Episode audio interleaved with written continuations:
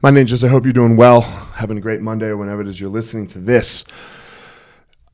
The other day, my student said, "Elliot, go uh, go watch this, you know, becoming dangerous episode of on FloGrappling about this guy, this athlete named Giancarlo Bodoni." And just a little backstory on Giancarlo. Giancarlo, uh, uh, he is a, a, a now ADCC, which is the the biggest grappling tournament in the whole world. It's like the Olympics in a sense for grappling. Uh, it only happens every two years. You have to get an invite or qualify.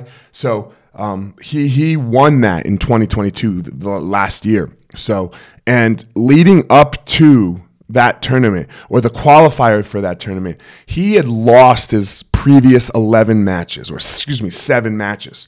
And then he switched teams and and, and, he and he found John Danaher, who is you know obviously the, the, the best coach around right now, and he uh, and he just went on this tear, you know, and he became dangerous.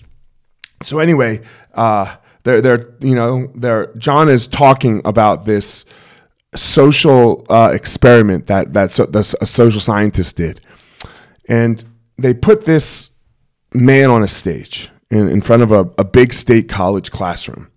And they had all the students come in and they said this man is just a normal professor who who works at the state college and you know and this is who he is. And they said guess his height. And everyone guessed five the, the average was 510 that class left. They brought another class a group of people a big group of people. And they said this man is a nobel peace prize winning uh, a doctorate professor who has published all of these studies and they just they just made him amazing what they said about him.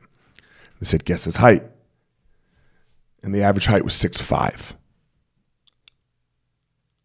That's craziness, right? It's the same dude. It's the same dude, the same pretty core like age group of people looking at him and they say totally different things but just based on what they were told about him. So these things that we tell ourselves about one ourselves and two other people, they really, really affect what we then go do. Giancarlo was seeing all these other people as champions and better than him. And when he was showing up to face them, he would, you know, he would do okay, but he would lose. And he would just be happy that he like made it through and and did okay. And then he changed his fucking perspective of them. And rather than him seeing them as dangerous, he saw himself as dangerous. He saw himself as a champion. And that belief, that switch of perspective of how he was viewing himself versus how he was viewing them, and skill set addition, both. But still, he had to change the view of himself. That's what allowed him to be a champion. That's what allowed him to go out there and make these big leaps. So that why?